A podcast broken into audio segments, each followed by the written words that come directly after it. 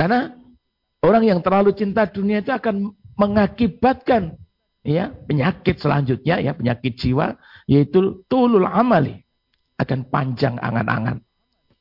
Kalau orang sudah panjang angan-angan ini pasti akan ya uh, nesyanul uh, nesyanil maut ya lupa mati ya.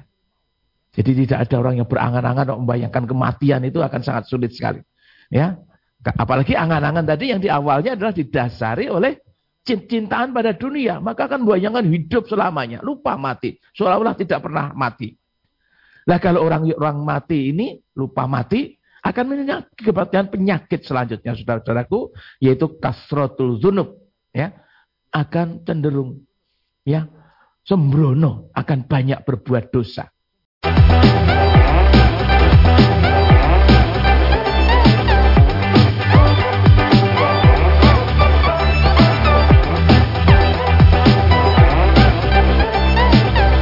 Bismillahirrahmanirrahim. Assalamualaikum warahmatullahi wabarakatuh. Saudaraku pemirsa MTA TV di mana pun Anda berada Puji syukur Alhamdulillah senantiasa kita panjatkan kehadirat Allah subhanahu wa ta'ala Atas limpahan karunia nikmat dan juga rahmatnya. Sehingga di pagi hari ini pemirsa kita bisa berjumpa kembali dalam program Fajar Hidayah dan pemirsa mari kita manfaatkan dan optimalkan waktu kita sebelum memulai aktivitas rutinitas kita. Mari kita gunakan untuk senantiasa belajar. Dan di pagi hari ini dalam program Fajar Hidayah, kita akan dibimbing oleh beliau Ustadz Dr. Sri Mulyana Magister Komputer. Dan Alhamdulillah hari ini sudah terhubung dengan beliau melalui aplikasi meeting online. Langsung saja kita sapa. Assalamualaikum warahmatullahi wabarakatuh. Waalaikumsalam warahmatullahi wabarakatuh. Ustaz, bagaimana kabarnya hari ini? Alhamdulillah baik Mas Wahid. Mudah-mudahan. Ya. Amin. TFM di mana pun berada juga selalu dalam kebaikan dan lindungan Allah Subhanahu Wa Taala. Amin. Amin. Amin. Semoga senantiasa kita dalam keadaan baik dan sehat ya Ustaz ya. Dan Insya Allah. maksimalkan kesehatan ini untuk senantiasa beribadah di jalannya Allah Subhanahu Wa Taala. Baik Ustaz di pagi hari ini tema yang akan disampaikan terkait dengan tiga perkara yang merusak dan tiga perkara yang menyelamatkan ya. Insya Allah, insya Allah yeah. betul Mas Fahri. Ya, baik, pemirsa hari ini nanti kita akan membahas terkait dengan tema tersebut serta masih akan membuka kesempatan untuk para pemirsa yang akan bertanya bisa nanti secara langsung melalui line telepon 0271 atau di line SMS dan WA di 08112553000. Baik Ustadz, silakan kami berikan waktunya untuk pengantarnya terkait dengan tema hari ini. Tiga perkara yang merusak dan tiga perkara yang menyelamatkan. Silakan Ustadz. Baik, terima kasih. Bismillahirrahmanirrahim. Alhamdulillahilladzi arsala rasulahu bil huda wa dinil haqq liyudhirahu ala dini wa kafa bilai syahida. Saudaraku kaum muslimin muslimat, pemirsa MTA TV, mendengar Persabda FM di mana pun berada, Puji dan syukur marilah selalu kita panjatkan kepada Allah Subhanahu wa taala. Karena hingga pada kesempatan pagi hari ini kita selalu mendapatkan curahan nikmat yang tak terhingga. Wa in ta'uddu nikmatallahi la tuhsuha.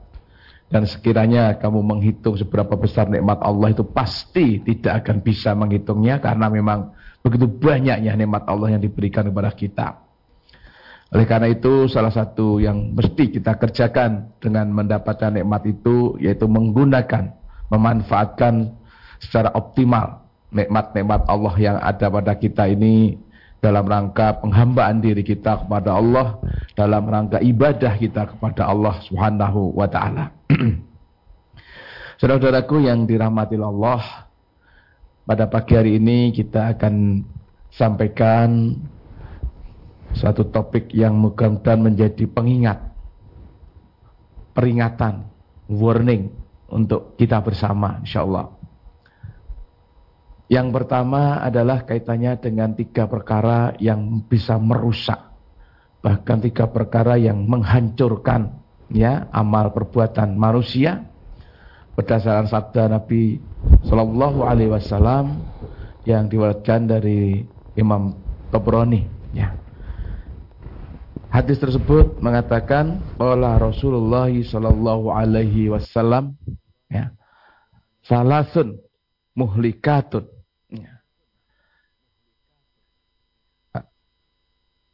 Suhun muta'un wahawan mutabaun wa ijabul mar'i binafsihi ya Rasulullah Shallallahu alaihi wasallam bersabda tiga perkara yang sungguh tiga perkara tersebut adalah dapat merusak, menghancurkan. Yang pertama adalah syuhun muta'un. Kebahilan yang ditaati. Kemudian yang kedua, wahawan mutaba'un. Hawa nafsu yang diitibai, yang diikuti, yang diperturutkan. Dan yang ketiga, i'jabul mar'i binafsihi. Bangga, ujub pada diri sendiri. Saudaraku yang dirahmati oleh Allah, ketiga perkara ini disebutkan dalam hadis tadi adalah dapat merusak. Oleh karena itu, semestinya kita betul-betul bisa menjaga diri, menjauhkan dari tiga-tiga sifat tersebut dari diri kita. Tiga perkara tersebut adalah yang pertama suhun mutta'un. Yaitu bakhil yang diikuti. Ya. Saudara-saudaraku yang dirahmati Allah, kebakhilan itu adalah kaitannya pasti dengan sebagai akibat dari orang yang terlalu cinta dunia. Dia menganggap bahwa dunia inilah segala-galanya. Dunia inilah yang memberi manfaat terbesar dalam hidupnya. Padahal kita tahu dunia ini pasti akan berpisah dengan kita suatu saat. Manakala kita sudah sampai pada saatnya untuk kembali kepada Allah. Kita meninggal dunia. Itu dunia pasti tidak akan dibawa ke mana-mana. Sedangkan saudara-saudaraku yang dirahmati Allah, ya, Bakhil ini adalah sifat yang tercela dalam agama dan yang tadi dikatakan adalah sebagai hal yang dapat merusak.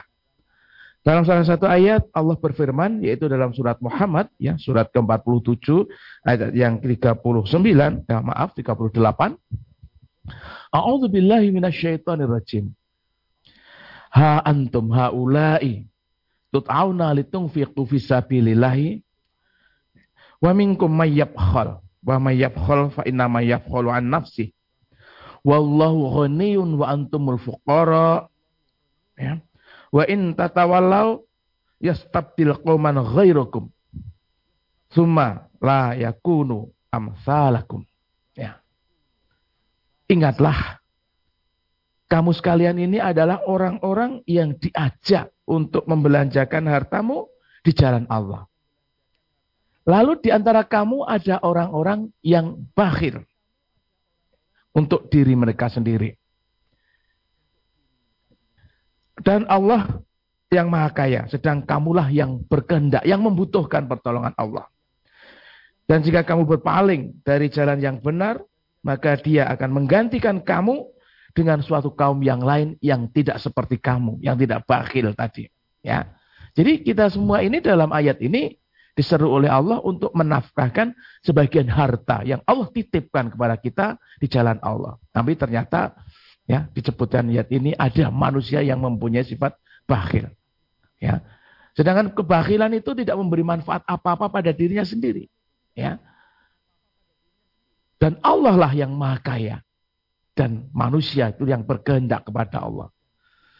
Oleh karena itu pada ayat tadi juga disebutkan kalau manusia itu bersifat bakhil, Justru Allah kuasa mendatangkan, mengganti, ya, mengeliminasi orang-orang bakhil tersebut akan didatangkan kaum yang lain yang tentunya tidak mempunyai sifat bakhil seperti orang-orang yang digantikan.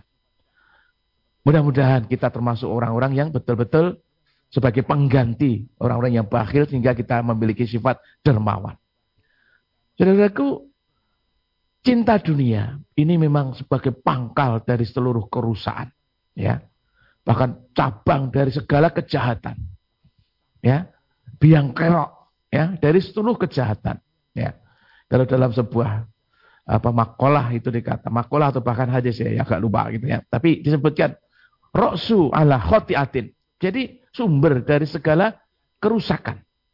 Yaitu hubbud dunia. Terlalu cinta dunia. Karena orang yang terlalu cinta dunia itu akan mengakibatkan ya penyakit selanjutnya ya penyakit jiwa yaitu tulul amali akan panjang angan-angan. Kalau orang sudah panjang angan-angan ini pasti akan ya nesyanul uh, nesyanil maut ya lupa mati ya. Jadi tidak ada orang yang berangan-angan membayangkan kematian itu akan sangat sulit sekali. Ya. Apalagi angan-angan tadi yang di awalnya adalah didasari oleh cintaan pada dunia. Maka akan membayangkan hidup selamanya. Lupa mati. Seolah-olah tidak pernah mati. Lah kalau orang orang mati ini lupa mati akan menyebabkan penyakit selanjutnya saudara-saudaraku yaitu kasrotul zunub ya akan cenderung ya sembrono akan banyak berbuat dosa ya sedangkan dosa yang banyak ini akan eh, menjadikan koswatul qulub ya menjadikan kerasnya hati. Ya nah, hati yang keras ini nanti akan berakibat jumudul ain ya.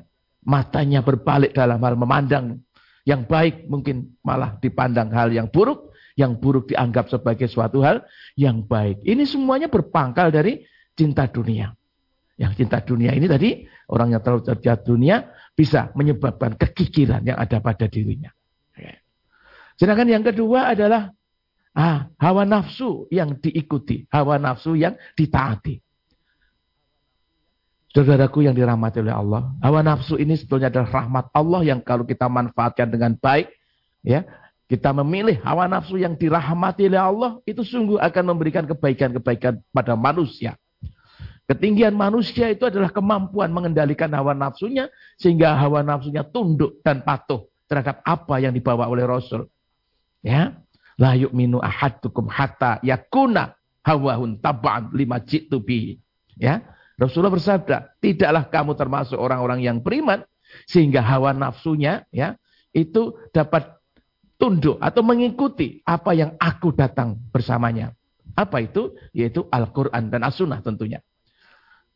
Jadi hawa nafsu yang dapat ditundukkan, ya, dapat dikendalikan sehingga hanya dimanfaatkan pada hal-hal yang positif, hal-hal yang baik, jalan-jalan kebaikan, itu justru akan membawa ketinggian derajat. Tetapi ya, hawa nafsu yang akan diperturutkan itu akan menjadikan rendahnya ya derajat manusia di hadapan Allah.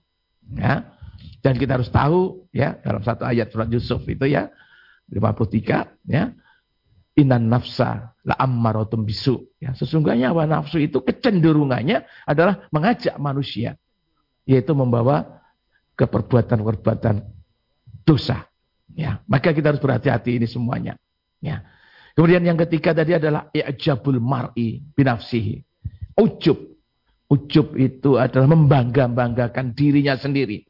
Ya, menganggap dirinya adalah lebih sehingga dia merendahkan orang lain. Ini sudah bibit-bibit kesombongan yang ada pada diri manusia.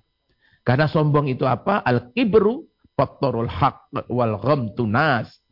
Ya, kibir atau sombong itu adalah menolak kebenaran dan merendahkan manusia. Ujub pada diri sendiri ini, ya, sombong pada diri sendiri ini adalah tuntunan yang diberikan oleh setan. Ya, maka ketika setan diminta oleh Allah, sedang Allah adalah zat yang menciptakan, ya, dia tidak taat. Dia menyatakan untuk sujud menghormat kepada Adam, dia membangkang. Mengatakan kholak tahu mintin, wa kholak tani minar. Merasa lebih. Bahwa mereka, uh, engkau ciptakan Adam itu dari tanah. Dan sedangkan aku engkau ciptakan dari api. Dia merasa lebih bahwa api merasa lebih tinggi dari tanah. Ya. Ujub pada diri sendiri, kesombongan yang muncul akibat ujub ini akan merusak seluruh amal.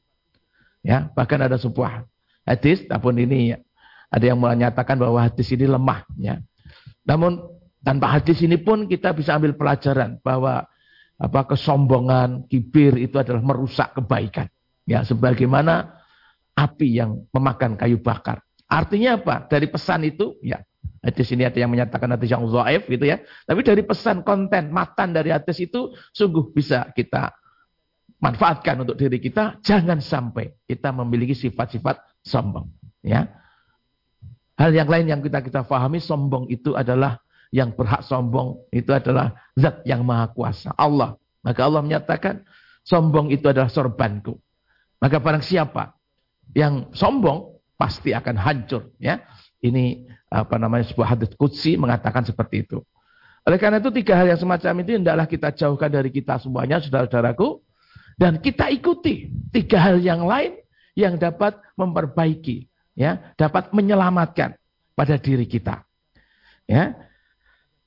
Ini juga dilewatkan oleh Tobroni di, di sini dijelaskan ya salah sun ya munjiyatun ya sekarang ada tiga perkara yang menyelamatkan ya khasyatullah taala fi sirri wa niatan ya jadi dia takut pada Allah baik dalam keadaan sendiri ya sembunyi-sembunyi maupun dalam terang-terangan ya dalam keadaan menyendiri atau dalam keadaan bersama-sama orang banyak kemudian yang kedua wal adlu fir ridha wal fadab wal wal ghadab ya.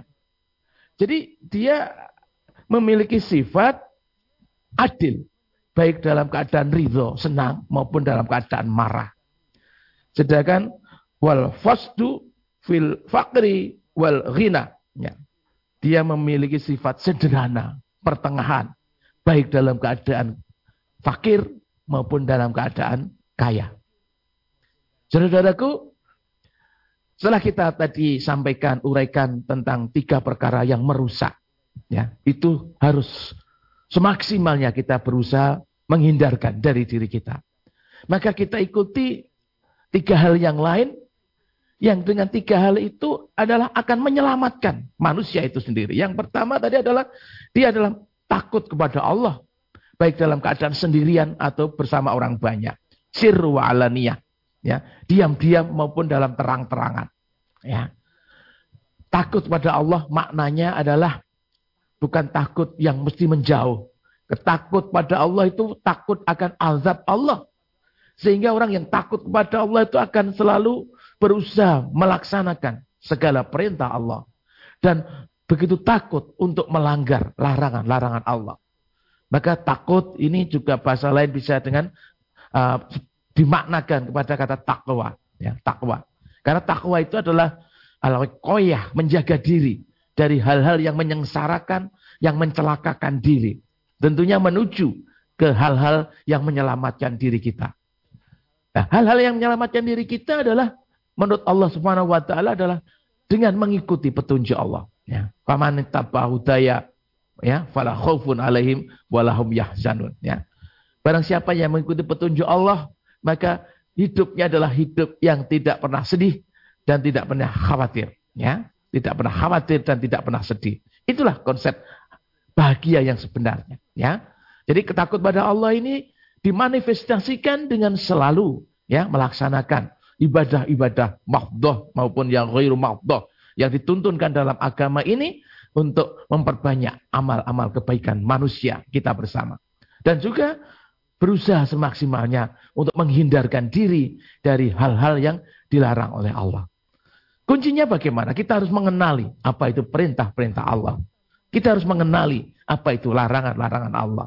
Nah perintah-perintah Allah, larangan-larangan Allah semuanya termaktub dalam Al-Quran dan diperjelas dengan sunnah-sunnah Nabi Muhammad SAW. Maka satu pintu yang dapat kita gunakan untuk kita bisa eh, takut, taat, takwa kepada Allah adalah dengan mengkaji, mempelajari dengan sungguh-sungguh apa itu perintah-perintah Allah dan apa itu larangan-larangan Allah. Sehingga manakala kita menemukan, mendapati sebuah perintah, maka konsekuensinya kita adalah untuk mengamalkan perintah itu.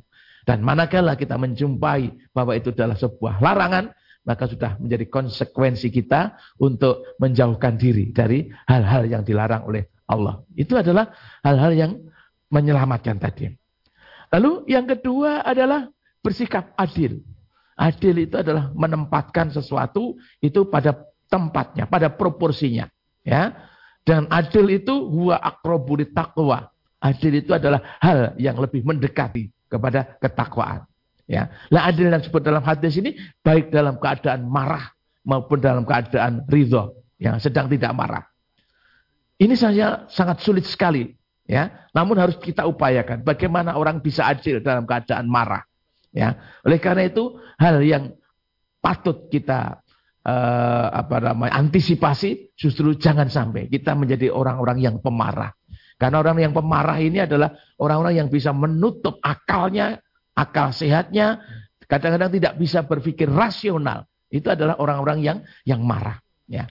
Oleh karena itu dalam satu ayat yang juga sudah cukup muktabar, sering sekali disampaikan dalam berbagai forum di surat Ali Imran ayat 103 sampai 105 itu ya utamanya yang di 104 dikatakan A'udzubillahi minasyaitonirrajim wasyari'u ila maghfirati min rabbikum wa jannatin ardu was samawati wal ard uiddat lil muttaqin. Bersegeralah kamu kepada ampunan Allah dan surganya Allah yang luasnya seluas langit dan bumi. Yang khusus disediakan bagi orang-orang yang bertakwa. Siapa orang-orang yang bertakwa? Yang dijelaskan dalam ayat ini alladzina yunfiquna fis sarra'i wad dharra wal qadhin minal ghaidha wal afiyah wal afina 'anin nas. Wallahu yuhibbul muhsinin, ya. Yaitu orang-orang yang menafkahkan hartanya baik dalam keadaan lapang maupun dalam keadaan sempit. Dan orang-orang yang menahan amarahnya, ya, tidak suka marah, ya, menjauhkan diri dari sifat marah dan orang-orang yang suka memaafkan kesalahan orang lain. Sedang Allah adalah zat yang maha yang mencintai orang-orang yang suka berbuat memberikan maaf kepada orang lain, orang-orang yang suka berbuat kebajikan, ya. Sedangkan yang terakhir, yang ketiga, kaitannya dengan yang eh, sifat-sifat uh, atau perkara yang menyelamatkan, saudara-saudaraku, di sini disebutkan adalah uh, dia bisa bersikap sederhana, ya baik dalam keadaan fakir maupun dalam keadaan kaya. Mungkin sederhana dalam keadaan fakir, ya mungkin karena memang tidak ada hal-hal yang bisa dijadikan uh, untuk tidak sederhana. Tapi sederhana dalam keadaan memiliki hal-hal yang banyak itu adalah suatu keutamaan kebaikan-kebaikan. Ya, oleh karena itu dalam hal membelanjakan harta pun maka kita uh, dituntunkan untuk yang tengah-tengah, tidak terlalu meloba memberikan yang semuanya begitu, tapi juga tidak terlalu gigit. Ya. Hal inilah, marilah yang bisa kita jadikan uh, apa pedoman, yang bisa kita jadikan tuntunan, yang kita bisa jadikan pengingat untuk kita bersama. Ya, jadi ingat tadi yang pertama tiga hal yang apa namanya merusak, yang mencelakakan. Tadi adalah kikir yang apa namanya dituruti, kikir yang ditaati ya. Jadi yang kedua tadi adalah hawan mutabaun, ha? hawa nafsu yang diikuti, yang ditaati. Dan yang ketiga tadi adalah ijabul mar'i binafsi, bangga, ujub, menyombongkan pada dirinya sendiri. Ya. Sedangkan tiga hal yang menyelamatkan tadi yang pertama adalah takut kepada Allah. Ya, dalam keadaan sirru alaniyah. Ya. Kemudian yang kedua tadi adalah bisa bersikap adil baik dalam keadaan marah maupun dalam keadaan yang apa namanya sedang tidak marah. Dalam kondisi apa pun bisa bersikap adil, menilai dengan rasional, menempatkan pada proporsinya, gitu ya. Sedangkan yang ketiga tadi adalah bisa bersikap sederhana, baik dalam keadaan fakir ya maupun dalam keadaan yang ghina, kaya. Mudah-mudahan saudara-saudaraku semuanya dua buah hadis yang kami sampaikan pada kesempatan pagi hari ini bisa menjadi apa namanya perhatian untuk kita bersama sehingga kita termasuk orang-orang yang betul-betul menjaga amal tadi untuk bisa terselamatkan amal perbuatan kita, hidup kita dan terjauhkan dari hal-hal yang bisa merusak amal perbuatan kita. Sekali lagi mudah-mudahan Allah selalu membimbing kita untuk kita selalu dalam kebaikan. Demikian Mas Fahid. Ya, pengantar yang dapat kami sampaikan pada kesempatan pagi hari ini. Ya. Mudah-mudahan memberi manfaat untuk ya. kita bersama. Baik. Terima kasih. Baik, terima kasih Ustaz untuk pelajaran hari ini. Tadi sudah disampaikan tiga perkara yang merusak dan tiga perkara yang menyelamatkan. Semoga tiga perkara yang merusak itu tadi tidak ada dalam diri kita ya Ustaz ya dan Betul para pemirsa sekalian. Dan harapannya tiga perkara yang menyelamatkan semoga selalu tertaut dalam hati kita. Baik pemirsa, insya Allah nanti setelah jeda pariwara kita akan bacakan pertanyaan dari para pemirsa yang sudah masuk melalui pesan WhatsApp dan SMS di 08112553000 atau nanti para pemirsa bisa bertanya secara langsung melalui telepon 02716793000. Jadi pastikan tetap bersama kami dalam program Fajar Hidayah. Baik, saudaraku pemirsa MTA TV di mana pun Anda berada, Terima kasih Anda masih bersama kami dalam program Fajar Hidayah. Di pagi hari ini kita masih bersama dengan beliau Ustadz Dr. Sri Mulyana Magister Komputer serta masih mempersilahkan untuk para pemirsa yang akan bertanya silahkan menghubungi kami di line telepon 02716793000 atau di line SMS dan WA di 08112553000. Baik Ustadz, kita lanjutkan kebersamaan kita di pagi hari ini. Dan kesempatan pertama kita akan berikan untuk pemirsa di line telepon. Kita terima. Halo, Assalamualaikum. Halo, Assalamualaikum. Waalaikumsalam warahmatullahi wabarakatuh. Baik, dengan Pak Tunggal ini? Betul. Ya, silakan Pak Tunggal pertanyaannya. E, gini Ustaz, eh, pertanyaan saya itu tolong dijelaskan di surat 17 ayatnya tuh anu 81 maksudnya mas, masuk yang baik atau keluar keluar yang baik itu maksudnya gimana? Terus yang ke yang kedua ini eh, ya suratnya sama tapi ayatnya yang 74 eh 84 itu aja. Makasih. Assalamualaikum. Waalaikumsalam warahmatullahi wabarakatuh. waalaikumsalam warahmatullahi wabarakatuh. Yeah. silakan Ustaz. Ya Baik, jadi di sini yang ditanyakan Pak Tunggal tadi surat Al-Isra ayat 81 ya. ya. A'udzubillahi minasyaitonirrajim. Wa qul ja'al haqqo wa zahaqal batil. Innal batila kana zahuqa. Ya. Jadi dari ayat ini Pak Tunggal dan juga para pemirsa MTA TV di mana pun berada jadi untuk mengusir, meninggalkan, me, apa namanya, ya, memberantas kebatilan, ya, itu caranya adalah dengan menegakkan kebenaran itu sendiri, ya. Kalau kebenaran-kebenaran itu ditegakkan di segala tempat, segala lini, maka kebatilan itu pasti akan sirna, ya, pasti akan sirna. Artinya apa? Mari, oleh karena itu kita bersama, tugas kita bersama dakwah ini betul-betul menyampaikan kebenaran untuk dikerjakan, dilaksanakan oleh setiap orang di mana pun berada. Kalau masing-masing orang itu yang dilaksanakan adalah kebenaran di sini, ja'al haq, kita datangkan kebenaran, maka kebatilan itu pasti akan sirna. Dulu Al Ustadz Abdullah Tofel Saputro ya, pendiri Majelis Tafsir Al-Quran ini pernah akan memberikan ilustrasi seperti ini. Ya, jadi kalau kita ingin bermain bola di pagi hari sedang apa namanya rumputnya itu masih berembun basah begitu kita tidak perlu mengepel ya. Lapangan bola itu tidak perlu dipel agar kering gitu. Tunggu sebentar datangkan cahaya matahari ya. Maka yang basah tadi akan kering dengan sendirinya. Itu cuma ilustrasi saja ya. Bagaimana untuk me, apa ya menghilangkan ya memberantas kebatilan yang ada ini adalah dengan mendatangkan, menegakkan kebenaran dalam segala lini kehidupan kita bersama itu ya. Ini kurang lebihnya yang termuat dalam ayat 81. Yeah. Uh, sedangkan di ayat 84 di sini dinyatakan ya Ul kulun ya ya ya'malu ala syakilati ya. Farab bukum a'lamu biman huwa ahda sabila ya. Katakanlah Muhammad setiap orang berbuat sesuai dengan pembawaannya masing-masing. Maka Tuhanmu lebih mengetahui siapa yang lebih benar jalannya.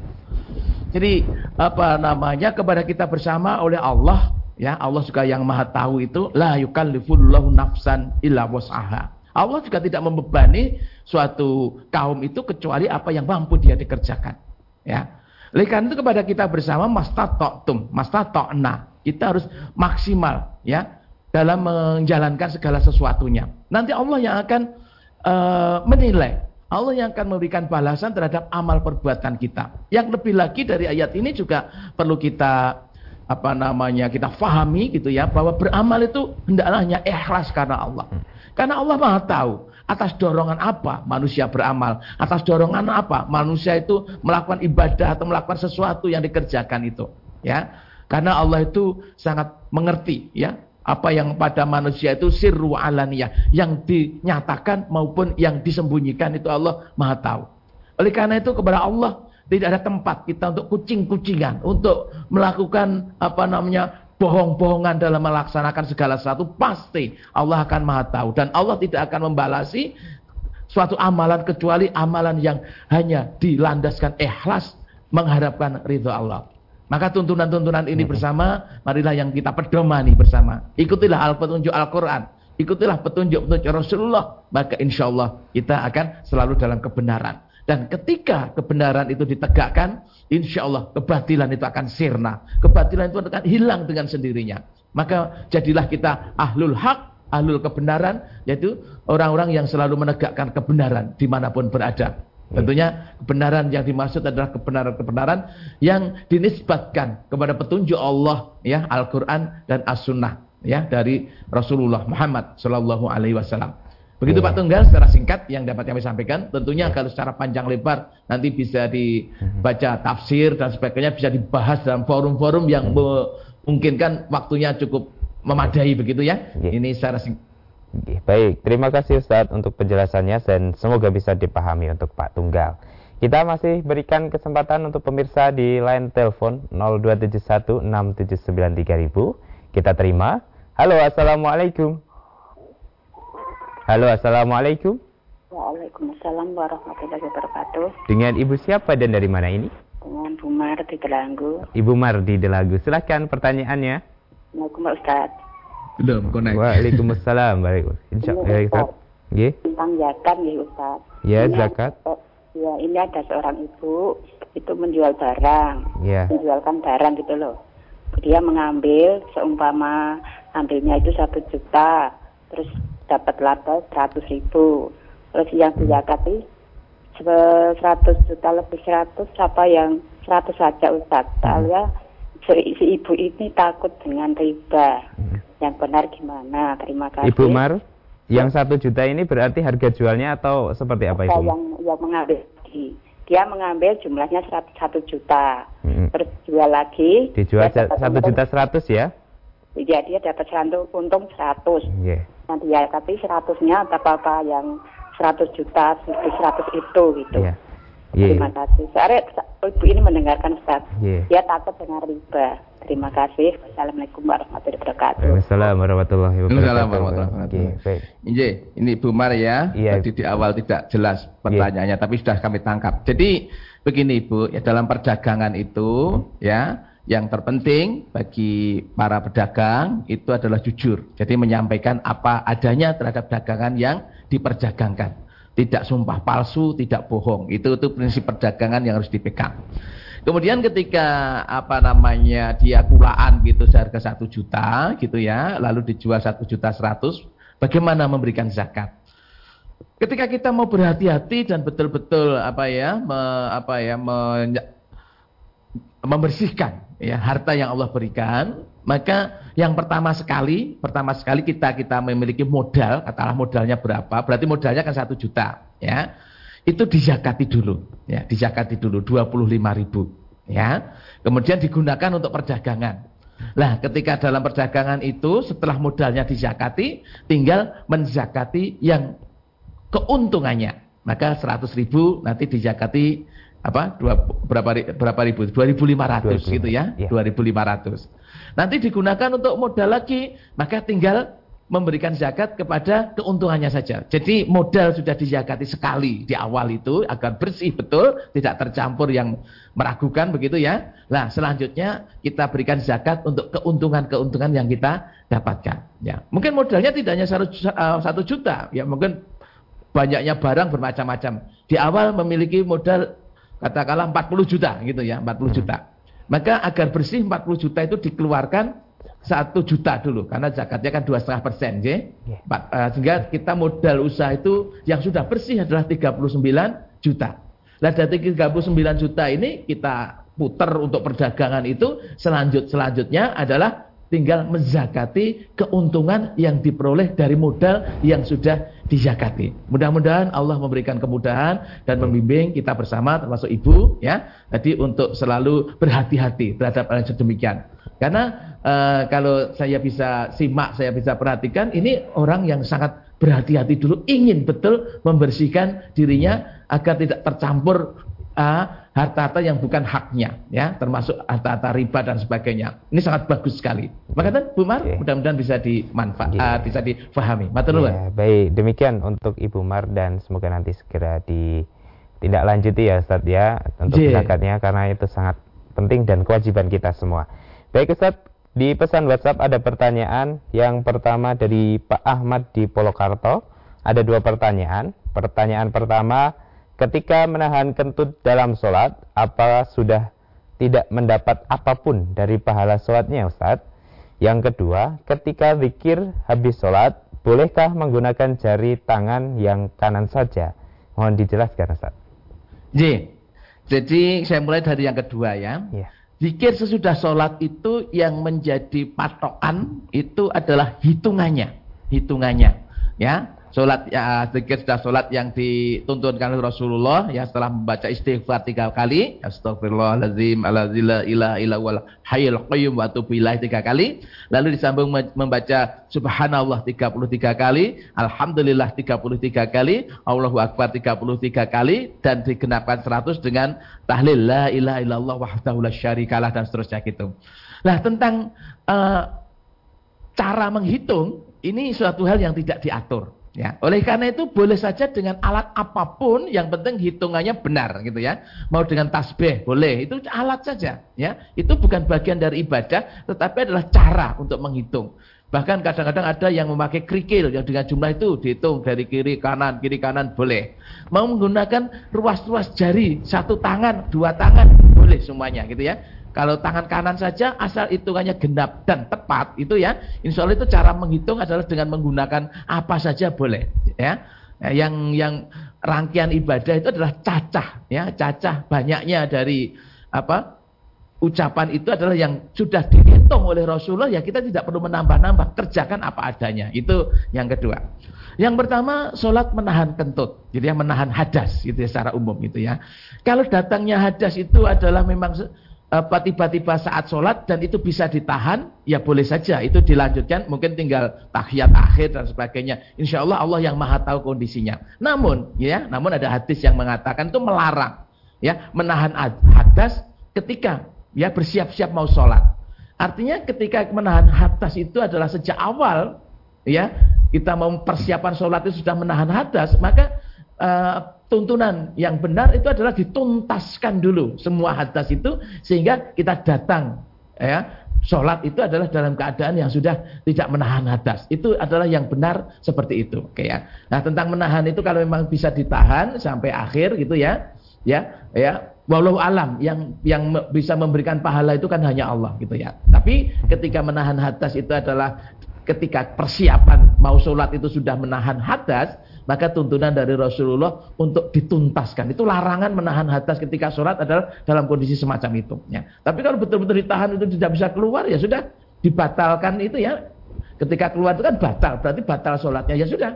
Batal ya wudhu lagi, sholat lagi. Pokoknya kita jangan jangan merasa rekoso lah dalam kondisi semacam itu karena kita sedang beribadah kepada Allah dan kita mengharapkan kebaikan yang banyak dari Allah Subhanahu wa taala. Jadi jangan ditanggapi wah rekoso banget ya tidak, tidak ada yang rekoso dalam Islam dalam ibadah itu ya. Jadikan kita bersenang dalam ibadah kepada Allah Subhanahu wa taala. Ya, ya mengatakan kepada Pak Ahmad di Polokarta ya. Mudah-mudahan ya. sudah bisa menjawab apa yang dipun kersaakan. Matur Ya, baik. Terima kasih Ustaz penjelasannya dan semoga bisa dipahami untuk Pak Ahmad.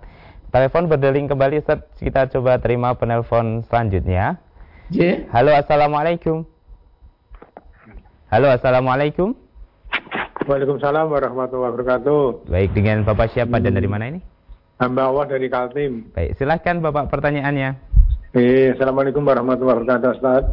Waalaikumsalam warahmatullahi wabarakatuh. Sehat, Bapak? Um, ini apa itu? Biasanya ada surat Al-Baqarah yang alif lam mim dari kita dan seterusnya itu sampai berapa ayat itu biasanya uh, digunakan untuk apa gitu sebenarnya apa gitu mohon penjelasan itu aja Ustaz Assalamualaikum warahmatullahi wabarakatuh. Waalaikumsalam warahmatullahi wabarakatuh. Ye, silakan yang bagus. Alif lam mim dan seterusnya dalam Al-Baqarah itu digunakan untuk apa gitu ya. Jadi begini Pak siapa tadi ya dari Kaltim ya. Ya. Ya. Jadi alif lam mim. Ya ada shot ada ka apa kaf ha ain shot dan seterusnya itu itu adalah yang kita kenal dalam Al-Qur'an itu adalah alat-alat yang uh, ayat-ayat yang mutasyabihat. Mutasyabihat itu tidak jelas maknanya.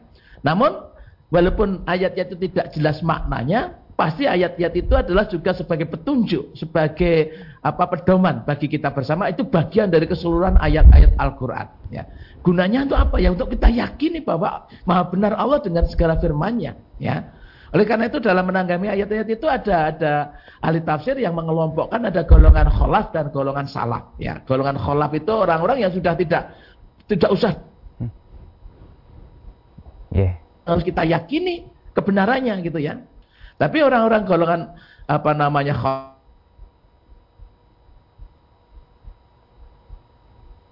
Ya. Baik. Baik pemirsa, hari ini kita masih berikan kesempatan untuk yang akan bertanya ya.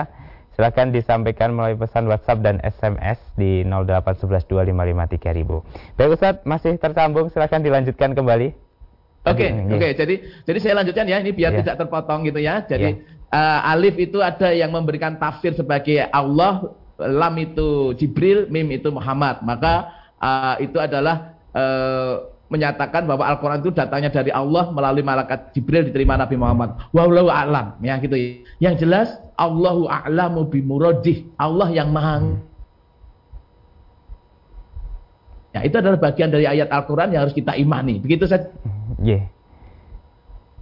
Yeah. Ya untuk untuk kita imani tadi salah satunya ya bisa digunakan ayat sambungan dengan ayat yang lain untuk dibaca dalam ketika sholat juga boleh alif lam mim dzalikal kitab la raiba dalil muttaqin dan seterusnya gitu ya. Yeah. Jadi itu maknanya yang kita sebut dengan ayat-ayat yang mutasyabihat. Yeah. Makatan Bapak? Baik, semoga bisa dipahami untuk Bapak di Kalimantan Timur ya. Injil. Dan kita coba bacakan kembali start pertanyaan di pesan SMS. Ada pertanyaan dari Pak Yulianto di Semarang. Dalam Quran sering kita baca kerusakan di dunia. Mohon difahamkan Ustaz terkait dengan hal tersebut. Iya Pak Julianto di Semarang, yeah. betul sekali ya di dalam Al-Quran itu banyak sekali bahwa Allah melarang berbuat kerusakan di muka bumi. Salah satunya nanti Pak Julianto bisa buka di surat Al-Baqarah ayat 27 sebagai takwil, sebagai pengertian dari orang-orang yang fasik. Siapa orang-orang yang fasik ya? alladzina ya yang kuduna ahdallah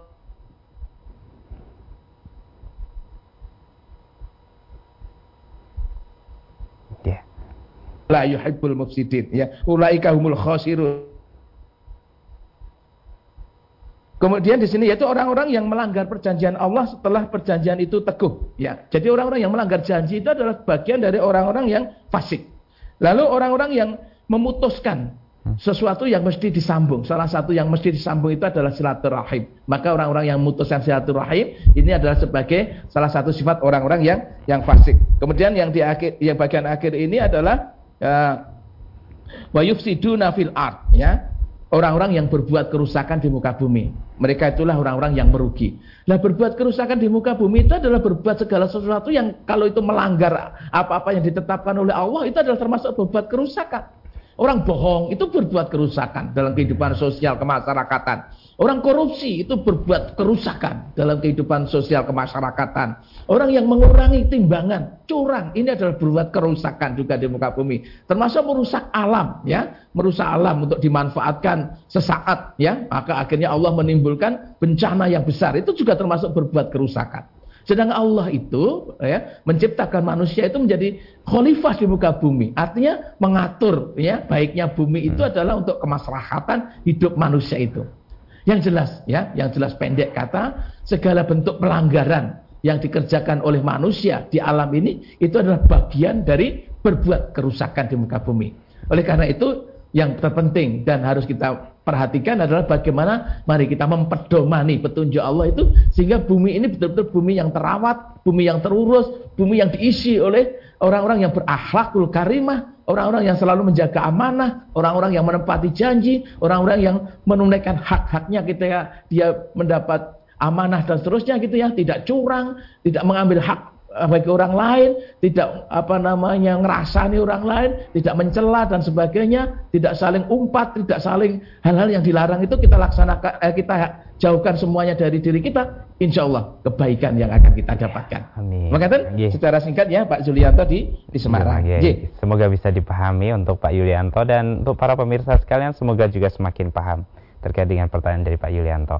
Baik Ustaz, sepertinya kita sudah berada di akhir perjumpaan ini. Semoga ini tadi nasihat dan jawaban dari Ustaz terkait dengan pertanyaan serta penjelasan terkait dengan tiga perkara yang merusak dan yang menyelamatkan tadi semoga senantiasa bisa membekas di diri kita Ustaz. Dan semoga Ustaz dan rekan-rekan yang di Yogyakarta senantiasa diberikan kesehatan. Yeah, Assalamualaikum warahmatullahi wabarakatuh. Okay. Baik, saudaraku pemirsa MTA TV di mana pun Anda berada, demikian tadi telah kita simak program Fajar Hidayah untuk edisi kali ini. Kami mengucapkan terima kasih untuk partisipasi para pemirsa, serta mohon maaf apabila ada pertanyaan yang belum sempat kami bacakan. Serta senantiasa kami mengingatkan untuk selalu menjaga kesehatan kita, karena sangat penting untuk kita bisa gunakan dan mengoptimalkan ibadah kita. Akhirnya saya Wahid Arifudin pamit undur diri. Alhamdulillahirabbil alamin. Subhanakallahumma wa bihamdika asyhadu alla ilaha illa anta astaghfiruka wa atubu ilaik. Akhir kalam. Wassalamualaikum warahmatullahi wabarakatuh.